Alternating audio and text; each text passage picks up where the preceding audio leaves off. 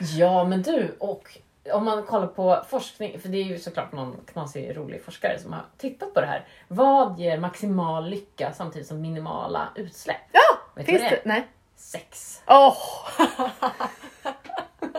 Så det var en jättestor bordell! Ja, det är det. Det är det. Spa. By. Oh no!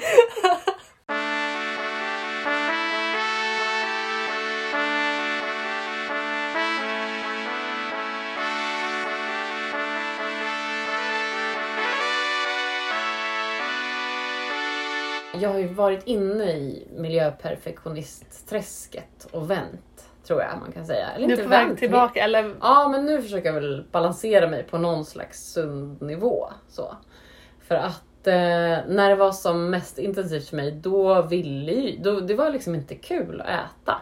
För att jag bara såg fram, jag är också ganska visuell, jag kan liksom se framför mig så här, en historia. Om jag håller upp ett objekt så ser jag liksom Mm. dens, det objektets historia. Så. Åh.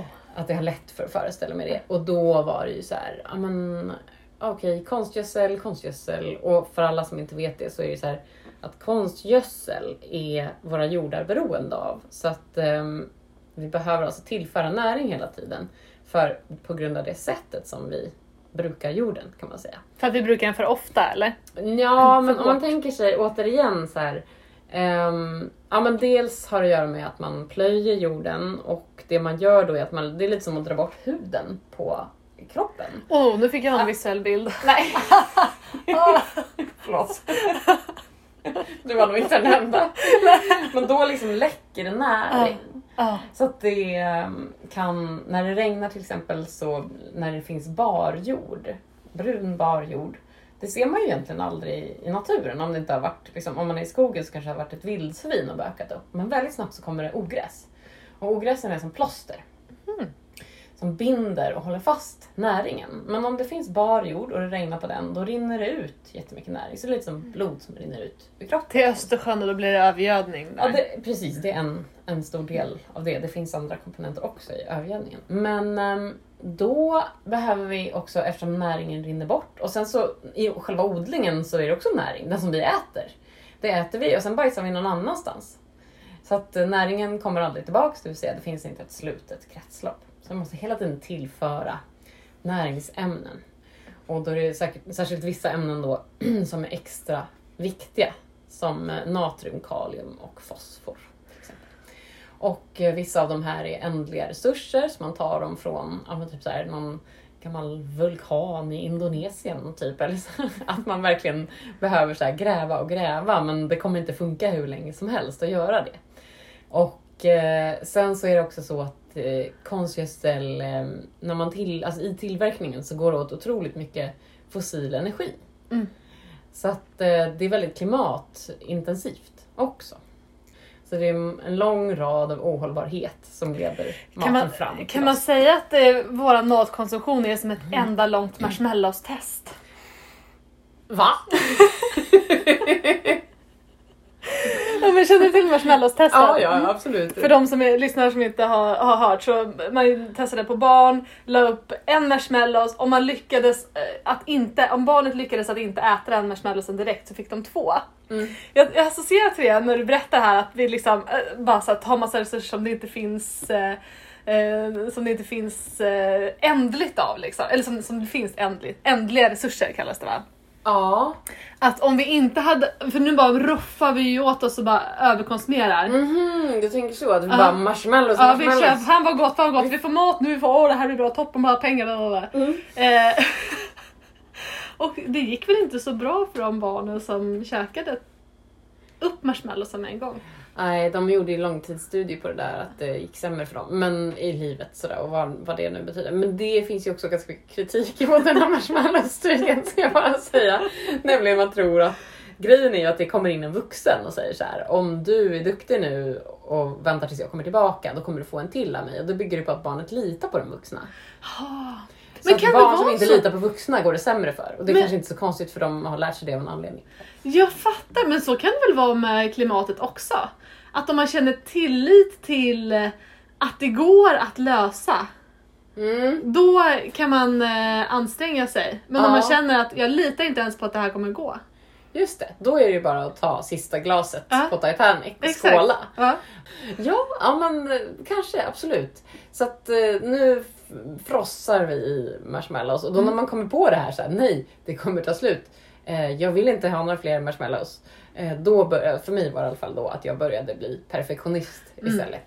Så då var det som att jag, ja, men jag åt bara växtbaserat, jag försökte äta bara svenskt, lokalproducerat, eh, ekologiskt såklart. Eh, jag dumstrade i en ekologisk mataffär. Tack till dem förresten. Jag tror inte de vet om det. Men alltså jäklar vad de sponsrade mig under en så här fattig period där jag typ sa upp mig som psykolog och började hålla på med klimatpsykologi och läsa på. För det gav ju inte så mycket cash. Hur lång tid Nej. gjorde du det som du ägnade dig åt bara läsa på om klimatet? Eh, jag gjorde inte riktigt det bara, jag hade liksom kvar ett brödjobb så att jag jobbade två dagar i veckan typ, för att få in pengar till hyra och så. Men, eh, men det var nog ändå två år som jag, alltså det är fortfarande lite så att det är lite på ett så experimentbasis. Mm, om jag bara hade velat tjäna pengar skulle jag nog inte hållit på med klimatpsykologi.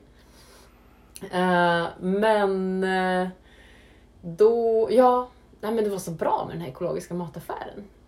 För att de, de var så snälla. De fattade att det var någon som var där och plockade i deras kompost varje kväll. Och var det fler eller var det bara du? Ehm, ja, men jag bodde i ett kollektiv i ett villaområde och då låg den här affären i det här villaområdet. Så. Och då var det flera från kollektivet som tog sig en liten nattpromenad. Så.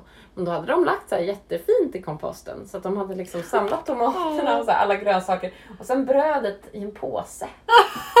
Åh, men de la det ändå i komposten. Ja, för de de, visste inte. att de vi skulle komma in. Alltså inte, det var en papperspåse då antar jag, så att det var liksom inte så att det skulle...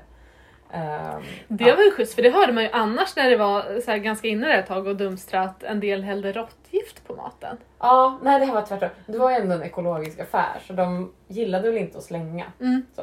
Mm. Åh, Ja, men så det var jättefint. Men det var också lite ansträngande tillvaro. Att eh, då bara vilja äta typ så här kål, morot, potatis och lite dumpstrade tomater. Eh, det, det blir efter ett tag ganska svårt att leva så. Och det var väl inte heller, jag menar även potatisen var ju säkert eh, baserad på konstgödsel någonstans i. Det är inte säkert att den var det, men eh, kanske, antagligen. så vad är rätt nivå? Ja, det är ju det som är det svåra. Och vi har faktiskt en intervju idag. Jag har pratat med Magnus Boström som är professor på Örebro universitet. Alldeles snart ska vi lyssna på vad han och jag pratar om. Men jag tänkte bara först en grej. Så här, eh, för när jag föreläser mycket om, ja, men jag brukar åka runt och föreläsa om klimat och miljö och hållbarhet och då brukar jag fråga publiken vad de har gjort för hållbarhet den senaste månaden. Och då för topplistan för vanliga svar, den ser ut så här. Sopsortera, cykla istället för att åka bil, välja mer miljövänlig kost. Då kan det vara typ lokalproducerat, vegetariskt, eh, veganskt, ekologiskt eller olika typer av kost. Folk har olika idéer om det där också. Eh, bara handla saker på second hand, välja grön el, resa med tåg, låta bli att flyga och prata med andra om hållbarhet. Vad har de här sakerna gemensamt? De har med konsumtion att göra. Precis. Och det är, de är alla, skulle jag ändå säga, exempel på konsumentmakt. Så konsumentmakt är när man försöker förändra eller påverka samhället eller politiken med hjälp av till exempel, då är det fyra grejer nu då. Stödköp, bojkott, större livsstilsförändringar eller att sprida ordet. I alla fall om man ska tro definitionen som finns i The Oxford Handbook of Political Consumerism. Eh, som är en så här sjukt fet bok som handlar om konsumentmakt. Som professor Boström är redaktör för. Så, mm. Ehm, Tung person alltså, som du har träffat. Ja, verkligen. Tung person som skrivit en ännu tyngre bok. Vem blev mest starstruck av att träffa den andra, du eller han? Ah, ja, helt klart. Jag tror knappt han visste vem jag var. ja, han visste. Men jag förstod att han inte hade läst vår bok när vi pratade. Du gjorde det? Ja. Men han kände till den i alla fall. Ja, det gjorde han. Um, men jag skulle nog säga att konsumentmakt är den allra vanligaste metoden som människor tänker på när de tänker på hållbarhet och att vi behöver förändra samhället. Men funkar verkligen konsumentmakt? För den viktigaste frågan som jag tycker att vi alla måste ställa oss ofta när vi gör saker för miljön, det är om det är effektivt. Och då menar jag inte bara effektivt som att det typ skulle kunna vara effektivt eller effektivt ifall vi hade 40 år på oss. Uh, enligt forskarna bakom den stora FN-rapporten om klimatet som kom för ett par år sedan så sa till exempel i samband med det släppet av den uh, rapporten, en av forskarna sa då att de kommande åren är de viktigaste i mänsklighetens historia. Åh, oh, jag får panik! Ah, det Det är som bara, gå upp på scen, kom ihåg att leverera, det sitter jättemånga producenter i publiken, det här måste bli det bästa gig i hela ditt liv, kör! Var avslappnad! Vad skön, vad skön! Usch, jag har panik. Ja, ja det, så är det verkligen. Och särskilt om du typ inte har förberett dig. Ja. Uh, jag kände min puls gick upp här jättemycket. Var det på grund av att du tänkte på de där producenterna? det här, de närmsta åren är de viktigaste i mänsklighetens historia. Ja. Det vill man ju inte vara med om. Kan man inte Nej. bara få sitta på 50-talet och äta en köttfärslimpa med ärtor och lyssna på en liten radio, linjär radio i fönstret. Ja. Och sen är det jumpa och sen ska man gå och lägga sig. Så, så vill jag ha det. Ja, men det, det kanske är det du får eftersom det var ett jättemycket mer hållbart liv som man levde på 50-talet. Okej, nu är jag med. Åh, jag vet, men det är fruktansvärd press. Alltså, det är inte meningen att stressa alla lyssnare sådär, men samtidigt så är det ju sant. Det är så det är. Och jag kan också tänka så här, om man inte har ångest så är det sjukt spännande att få vara med om de viktigaste åren i mänsklighetens historia. Ja. Det är helt sjukt att vara med om det. det och få liksom vara en levande aktör som faktiskt har någon form av Alltså om man tänker så här, tid och rum-makt. Sen kan ju många känna sig maktlösa för att man inte riktigt vet vad man ska göra. Men om man tänker i tid och rum så har vi ju nu, det är nu vi har makten. Mm. Det är sant faktiskt. Det är sant. Man, man kan skriva in sig i historieböckerna nu. Ja, det är det vi satsar på här. Ja. Mm. Oh, vad ska jag ha för namn? Jag måste ha något ska coolt. namn? ja! Elin. Nej, man måste heta något så här supernova och sånt. är du säker på att du tänker på historieböcker? Där heter väl folk såhär Gustav? Game of Thrones och sånt. Jag tänkte att det här var ett litet sci-fi-krig vi skulle göra. okay. Ja, nej, jag, du, har, du har mig lite här känner jag. jag, jag nu börjar det kännas roligt. Ja, ja. Ja, men ska vi lyssna lite på Magnus Boström, professor då vid Örebro universitet. Jag började med att fråga honom vad det finns för lyckade exempel på konsumentmakt. Det, jag tycker det är det som är mest spännande nu, men det, ju, det är ju knepigt att se att den är lyckad, för den har inte, men det är just downsizing, alltså sådana människor som försöker, transition groups och sådär, som försöker minska verkligen och ifrågasätta, konfrontera. Men den är inte lyckad på så vis att den har fått genomslag i samhället. Men på något vis är den eh, Alltså de människor, jag håller på att intervjua folk här och de, den är ju lyckad på så vis att det för dem skapar en eh, större mening och även livskvalitet. Men eh, som ett genomslag i samhället, då i så fall det här handla miljövänligt som man håller på med och krav, ekologisk odling och sådana saker, det har ju blivit mera genomslag och viktigt tror jag men, men kanske inte tillräckligt för att för som samhällsförändringskraft än så länge i alla fall. Nej precis och det där är väl det luriga tycker jag med, med konsumentmakt. Att det just, ja. alltså finns det verkligen en potential att förändra samhället? Det är väldigt, väldigt svårt att säga vad som, hur, huruvida den är effektiv och det är väldigt många faktorer som ska in om den ska kunna förändra samhället. Men man kan vända på frågan. Om vi ska förändra samhället, är kan vi göra det utan konsumentmakt? Frågetecken. Och mitt svar skulle säga nej. Det, det, måste, det måste involvera att man utmanar normer, den, det som anses vara den normala konsumtionen som är då, dåliga alternativ och som är överkonsumtion och det måste bottna i människor på något sätt, i deras vardagsmönster. Och det inte, kan inte bara landa på den nivån, på individer och familjer och sådär. Det är omöjligt men vi kan heller inte tänka bort det. Varför är det omöjligt att det ska ligga på familjer och individer? att det bara ska ligga på familjeindivider. Ja, precis. Nej, det går inte för det är för mycket både normer och strukturer som eh, får tillbaks människor i, i ohållbara konsumtionsmönster. Det är liksom, vi pratar mycket om nudging idag. Va? Eh, att vi ska puffas åt rätt håll men det blir så futtigt på något sätt för egentligen puffas vi hela tiden åt fel håll. När vi ska ta oss någonstans och hälsa på eller jobba och hälsa på, ja men då är det ju, har vi fantastiska motorvägar. Eh, det är också ett slags puff i fel riktning. Just det, så att man har gjort det jättelätt för alla människor att överkonsumera. Och det är hur lätt som helst. Precis, och sen uppmuntrar man till att försöka att inte konsumera så mycket. Exakt, det är svårare att inte konsumera än att konsumera. Hmm. Sant. Mm. Det är det. Och jag tror att det är, um, liksom ligger väldigt nära människor att göra det som är lättast.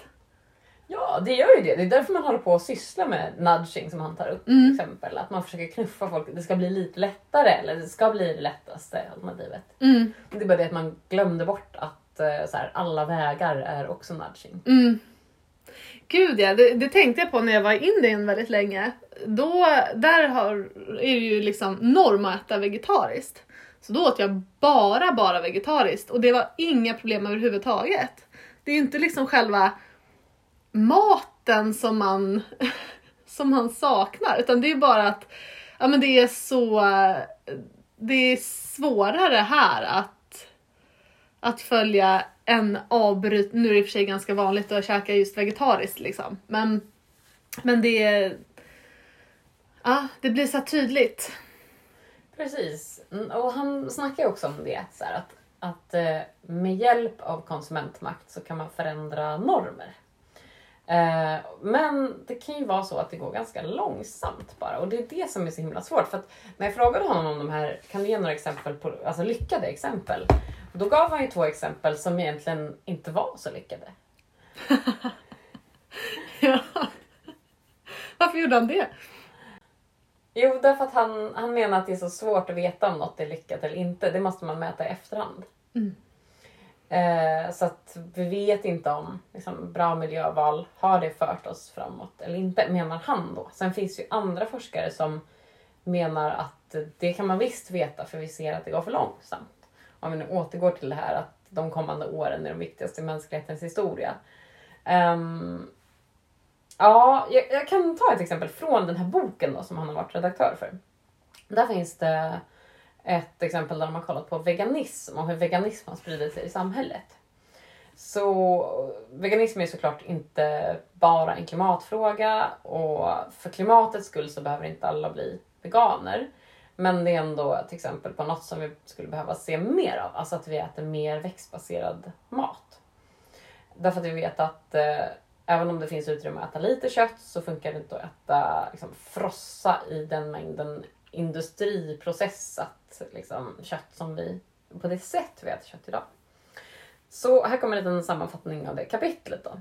Eh, på 1900-talet i Sverige så började veganrörelsen att förändras från att ha varit en ganska speciell tror jag, renlevnadsrörelse för typ buddister och lite 70-tals hippisar. Så. Man började fokusera mer på djurrätt och man jobbade mycket med känslor som skam, äckel och avsmak genom att man visade på missförhållanden i djurindustrin med så här äckliga bilder från slakterier och sådär. Och eh, det fanns också några såna här så kallade militanta veganer som brände upp någon djurtransport och klippte hål i minkburar. Och det här gjorde att väldigt många blev rädda för veganer. Så att eh, det var ganska mycket motvind för veganrörelsen under den här tiden. Och jag har inte alls lyckats hitta någon pålitlig siffra på hur många som faktiskt kallade sig veganer i slutet av 90-talet. Men antagligen så var det mindre än en procent av Sveriges befolkning.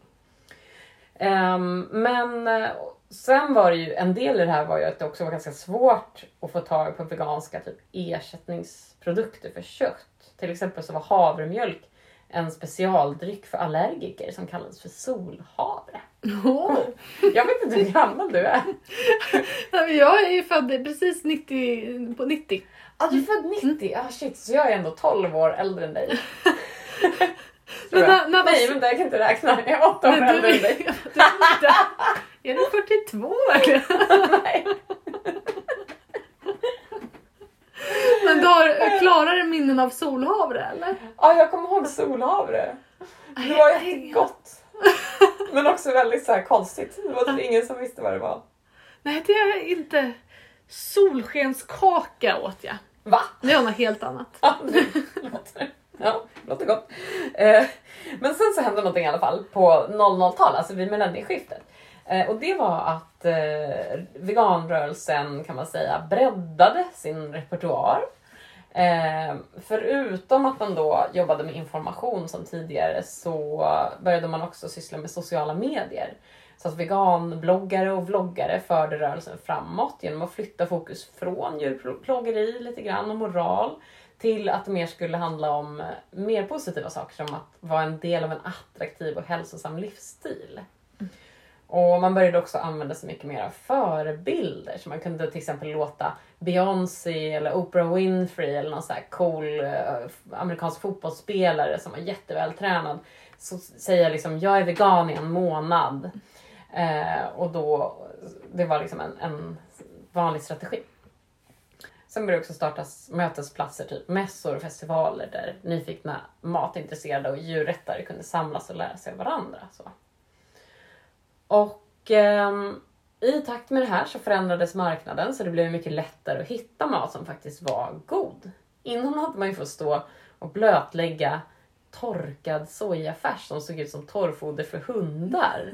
Och det smakade inte särskilt gott heller. Även om man hade kokt det i buljong som man skulle. Man fick liksom vrida ur det så med handen. Det Oh, var som, nästan som en disktrasa. oh, Ja, det där sålde du inte in bra. nej, det var inte gott. Jag har inte sett det på länge faktiskt heller. Kanske inte. finns en anledning. Ehm, så att eh, ju längre in på det nya millenniet vi kommer desto fler veganska produkter finns det att välja mellan. Och många är goda på riktigt nu skulle jag säga. Och inte bara som ett substitut utan att man faktiskt kan tänka sig att välja dem för att det är gott och inte bara för att det är man borde. Ehm, så då kan man ju fråga sig så här, är kampen för veganism ett exempel på en lyckad konsumentmaktskampanj? Det har ju hänt ganska mycket på 30 år då. Köttkonsumtionen minskade för första gången på många år, 2017, efter att ha ökat stadigt sedan mitten av 80-talet. Och i början av 80-talet så minskade faktiskt köttkonsumtionen, men det var mest av ekonomiska skäl, tror man. Eh, Men vi äter fortfarande sjukt mycket mer kött nu än vad vi gjorde 70-talet och 80-talet. Gör vi? Det Ja. blev jag förvånad över faktiskt. Ja, jättemycket mer. Alltså, Jaha. ja, man tänker ju så här husmanskost liksom. Mm.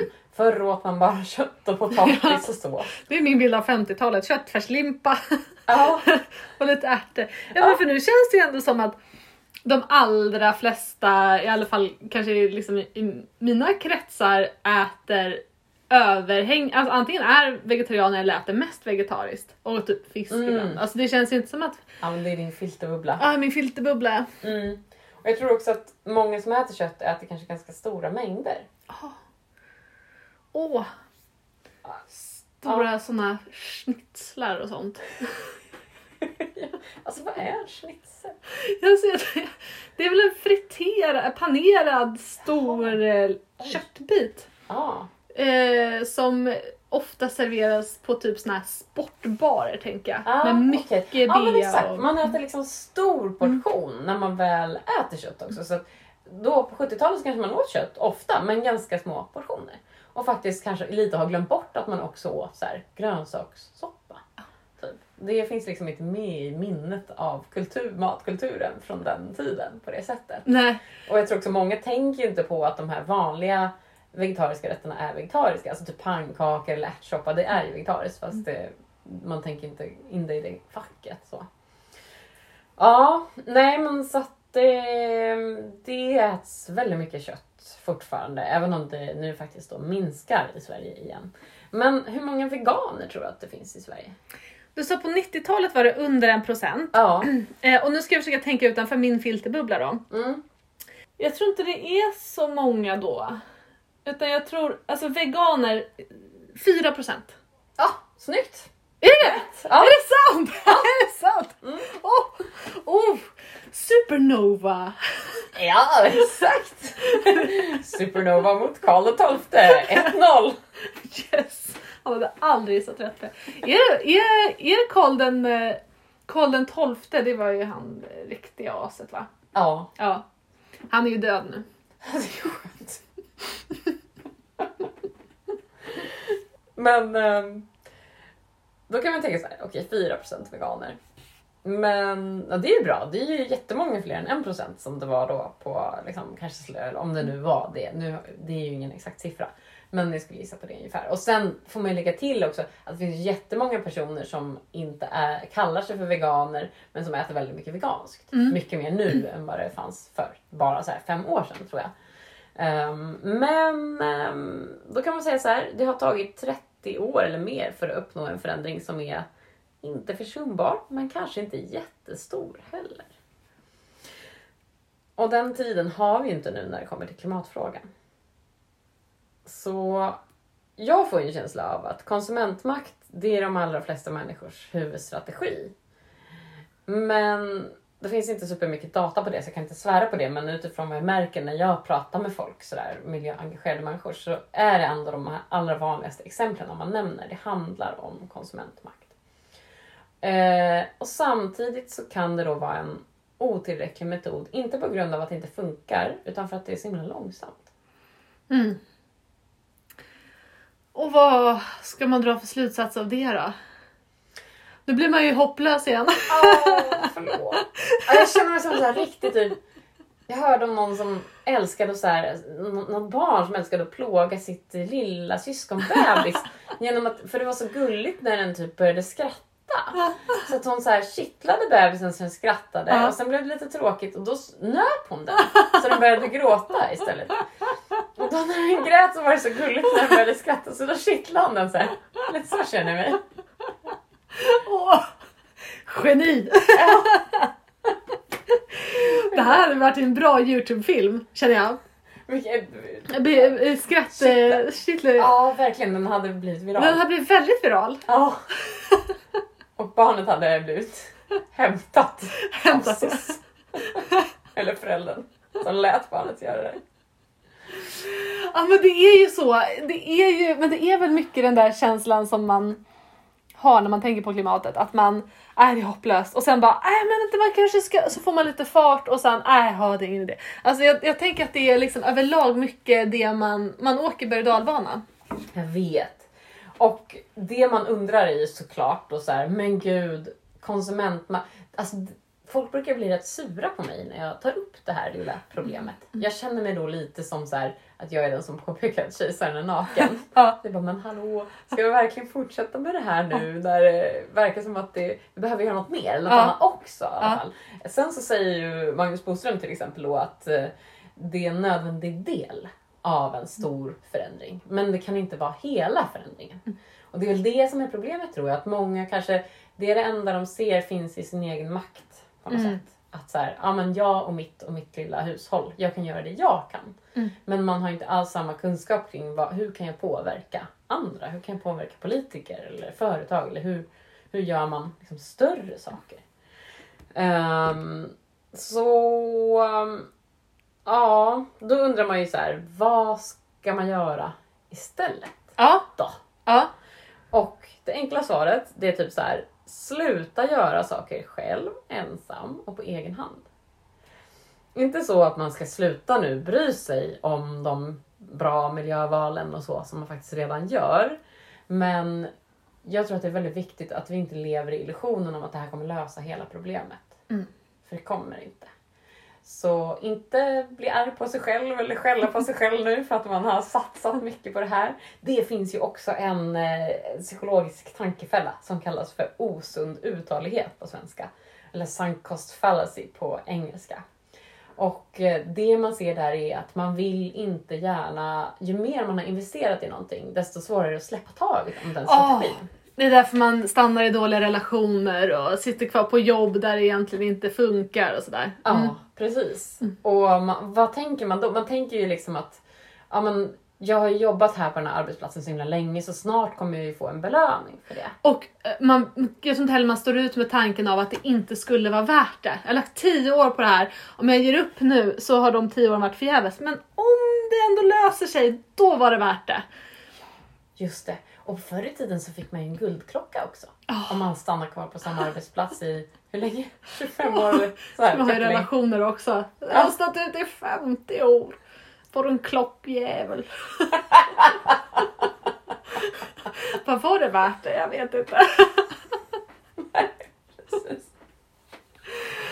Ja men det där det där är, och det där tänker du att det har med liksom klimatet att göra också, man har investerat jättemycket i till exempel konsumentmakt. Så Ja, för att man har liksom varit så himla orolig och brytt sig så himla mycket om den här frågan. Och så har man kanske satsat på att just göra om sin livsstil, alltså så som jag gjorde. Att jag bara började dumstra, jag flyttade till det här kollektivet, jag liksom ställer om hela min kost, jag cyklar, lalala. Och lever hela mitt liv så här, väldigt tappert och känner mig kanske också ganska bra i det. Att så här, nu har jag i alla fall gjort min del. mm, Men, eh, och så kommer någon eh, dryg jävel och säger så här, du vet du, det där är helt otillräckligt. Alltså det är, det är inte kul att ta in det. Åh. Du vet att det är där borta vi ska plantera trädet och det är här du har grävt nu i 40 år. Ja, då täpper vi igen bara. Men du, kan man tolka det här då också som att eh, om man inte är perfekt och gör alla de här perfekta valen så kan man göra andra grejer ändå? Ja, ja, Och att man liksom inte behöver eh, fastna i att man inte kanske lyckas med, för alla är ju inte så duktiga på att liksom dumpsterdiva och eh, läsa på om varje vara liksom. Nej, vem orkar det? Alltså det orkar väl ingen normal människa leva som jag gjorde då? inte ens jag själv orkar det längre. Nej, så att man behöver göra sin del av det på något sätt. Och det där är ju också så här, när man gör de där grejerna, då kan det också vara för att det faktiskt ger en känsla av meningsfullhet. Ja det inte snackade han ju om också, att det var liksom för, mycket för sin egen skull. För att man känner att man mår bra av att leva Ja. som man lär lite så. Ja, man får bra livskvalitet. Och det han pratar om så här downsizing, alltså det är folk som typ kanske lever i väldigt enkla förhållanden, billiga hy- billig hyra eller att man bor i ett hus på landet, man odlar mycket av sin egen mat. Man jobbar väldigt, väldigt lite så att man får jättemycket tid över så att man kan ha liksom, lugn och ro och göra sköna grejer. Typ. Och det är inte så konstigt egentligen att det kan öka livskvaliteten när man får Mm. massa tid över så man är fri. Mm. Istället för att eh, tvingas jobba om man nu hade jobbat heltid innan. Så. Ehm, nej, så att absolut, det kan ju ge massa andra fördelar. Den enda risk, nej jag ser flera risker. Eh, men en risk. Alltså, det lät som att det bara fanns en. Ja. Skönt, det kan jag hantera. Ja. Men det är att man tänker att eh, om jag är på det här spåret så förändrar vi världen. Mm. Men det, kom, det gör man inte och då kommer man bli så himla sur sen Mm. i slutet. Så jag tänker när folk blir lite sur på mig för att jag påpekar det här så tänker jag ändå så här, men det är värt det. Det är Mm. lite tough love också. Att så här, du behöver få höra att din strategi inte hjälper oss hela den vägen som du kanske hoppas på. Ja men för det är väl också en risk med att man blir sur på varandra också. Just det. Det är lite som vi har snackat i något tidigare avsnitt att om, eh, om man tänker att det är det här vi behöver göra och så lever man väldigt så perfekt på det sättet själv. Och så, så märker man att det vi är fortfarande på väg åt ett katastrofhåll. Och då måste det vara för att alla andra inte lever och då riktar man sin ilska dit istället. Ja, för att man tror... Som, ju, ju länge... Hmm. Ja, för att så länge man tror på konsumentmakt så tycker man ju att poängen med det är ju att det ska sprida sig. Mm. Och då, när det inte sprider sig, då blir man sur på dem det inte sprider sig till. Mm. Mm. Som ett virus. Ja, som inte funkar. Exakt. Alltså, ett jättedåligt virus. Som bara, Vi ska försöka göra en pandemi. Smittar en person om året. Alla andra har vaccinerat sig, helvete! Åh, stackars virus. Åh. Åh. Vad ska man göra med all sin medkänsla? Okej. Bara, fan, Fuck det där viruset. Jag hatar virus. Jag är så trött på virus nu. Ja, herregud. Men apropå det, Ja. det har väl, eh, kan, inte, kan inte det ha varit en ganska bra start för folk att förändra sin livsstil? Eller kommer det bli, vad tror du kommer hända när coronakrisen är över? Är det att folk har vant sig vid att leva mer sparsamt och kan ha lättare att fortsätta med det eller kommer folk ta igen allt det som de inte har kunnat göra? Jag tror folk kommer ta igen. Ah. Tyvärr. Alltså, Ah. jag kan själv känna det. Gud vad jag ska ta igen. alltså det var en väldigt lång period där jag typ inte kramade någon av mina vänner. Och sen var det typ någon vän, jag kommer inte ens ihåg vem det var. Det var typ en bekant som jag inte ens alltså, är så här skitnära. Som Var Karl den "Hallå, XII? Nu, hej! Är inte du död? Kom här! Äntligen se dig! Praktsvin! Nej men så bara kramades vi. Ja. Ja, och den här, det var inte galet alltid. För alla lyssnare som kanske trodde det. Eh, nej, och det var så jäkla gött. Alltså. Mm, Åh. den kramen. Jag Så det så folk kommer tänka med, nu bara bränner vi till Hawaii. Ja, de har ju sparat så mycket pengar nu också på Ah. att inte flyga. Mm. Det kommer de att bränna upp sen. Men är det så då, kan man inte hacka det här på något sätt? Om man lyckas komma på ett väldigt lockande alternativ. Mm. Att lägga sina pengar på, lägga sin tid på, som uppfyller allt det här. Eh, ny upplevelse, umgås med folk, eh, eh, ha lite semesterkänsla. Precis, och kanske Kan vi- slippa få en parasit i magen också. Eh, se- slippa få paracetamol. Exakt! Mm. Kan, man, kan vi inte uppfinna något sånt då? Jag har funderat ganska mycket på det här. Och vad har du kommit fram till? Det, jag tänker mig någon slags jättestort, eh, en, som en spaby. Åh, jag gillar det! Ja, eller hur? Ja. Och så ska det vara så här mysigt, för det kommer ju vara vinter, det är då alla vill resa också. Så det ska vara så här skitmysigt, massa så små solcellsdrivna lyktor överallt. Som ändå är så här, det kostar ju en del att producera det men det är, man, man får ändå tänka på att det kommer bli mycket, mycket, mycket mer klimatsmart än att dra, att alla, halva Sverige ska dra utomlands liksom. Eh, ja, och så ska det vara så här färgglada små matställen så som det kan vara utomlands. Att man går på en gata och så väljer man att vraka. För Ja. det är det man vill också. Man vill ju ha så här, mm, Ja. jag vill äta god mat. Och så eventuellt så kanske om man vill få den här illusionen av att allting är så billigt Mm. också som ju vissa gillar. Då kanske man får betala bara någon så här klumpsumma för att få käka där. Och sen går man runt och då kostar allting 20 kronor. Ah, jättebra! Ja, och så ska det då finnas så här stora häng med barnvakter så att föräldrarna, simhall uppdelad i två så att kidsen kan få bada loss där och så kan föräldrarna ligga på spat. Och, mm, mycket bastu. Ah, var ska det ligga? Ja, det får bli um, Ullared. Alla som ska dit och shoppa bara vad i helvete! Det är Spaby här! Nej men du det där gillar jag, det där gillar jag jättemycket. Jag tänker också att så här, man kan gå loss på det här mys eller mysigt. Kan man inte bara bygga upp ett stort vet, stort biblioteksrum med massa öppna eldar. Och man kan få sitta i såna här stora fåtöljer och dricka punch och liksom eh, ha någon, någon sprakande bras-sound i hela rummet och så regnar det alltid lite på rutan. Mm. Ja, det gör det ju ändå. Det är, det är inte svårt att fixa. Nej. ja, men du, och om man kollar på forskning, för det är ju såklart någon knasig rolig forskare som har tittat på det här. Vad ger maximal lycka samtidigt som minimala utsläpp? Ja, Vet finns det? det? Nej. Sex. Åh! Så det var en jättestor bordell! Ja, det är det. Det är det. Spa-by. Oh no! Nej, utan man ska ju få folk att utveckla sina sexliv. Alltså jag tror, det här kanske låter bara helt knäppt, men jag tror faktiskt på riktigt att sex är en av de få saker som kan konkurrera med andra höjdarupplevelser. För att det är så himla ultimat liksom, gött om det är bra. Men det är också så himla många som har så dåligt sex. Märker man ju. Och, och särskilt nu i den här stressade tiden. Jag tror att vi har mindre sex nu än så här på, sen man började mäta.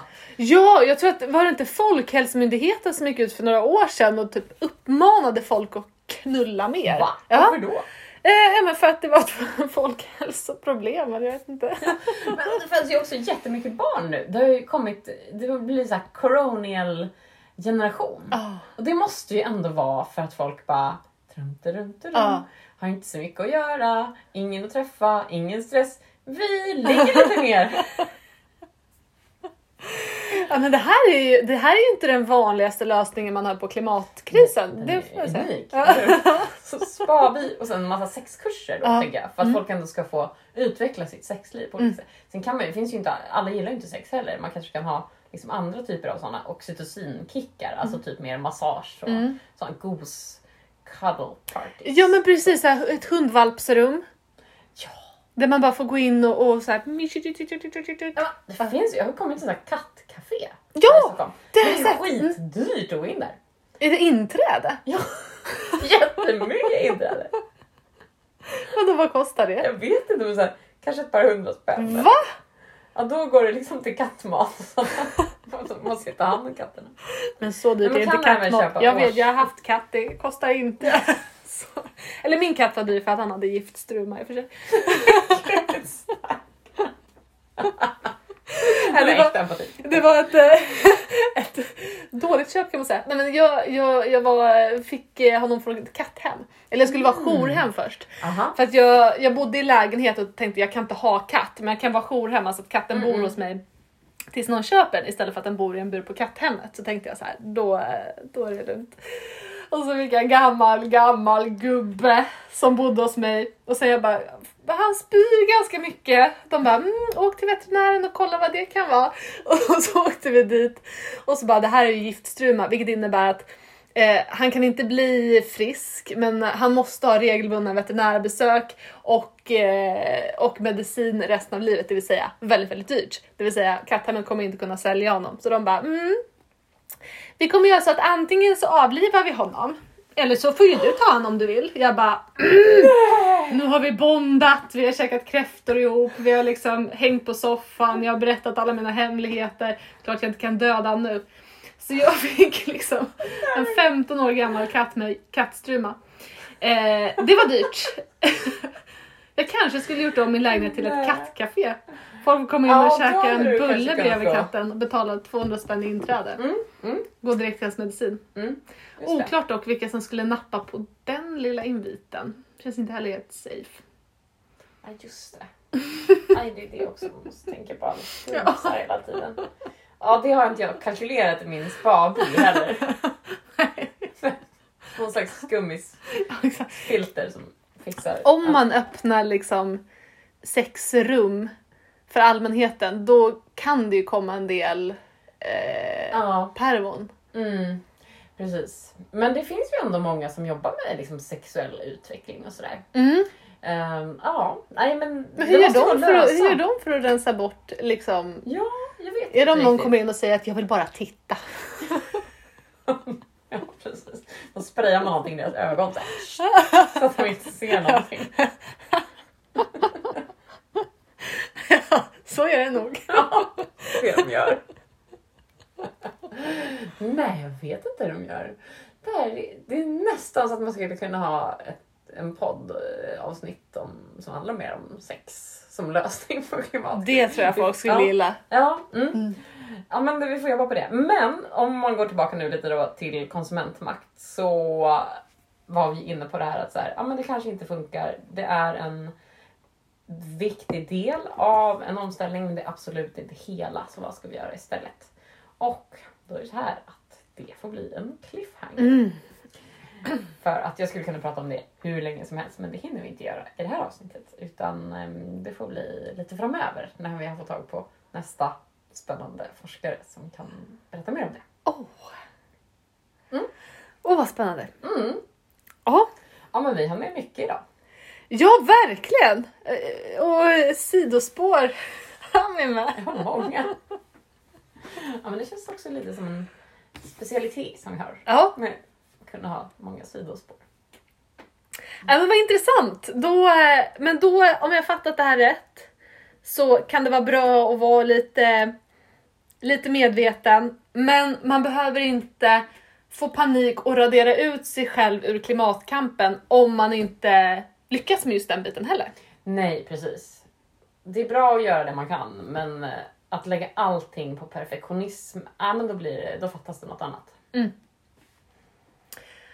Spännande. Yes, men du, ha det gött och så ses vi nästa vecka. Ja, ha det gött! Ja.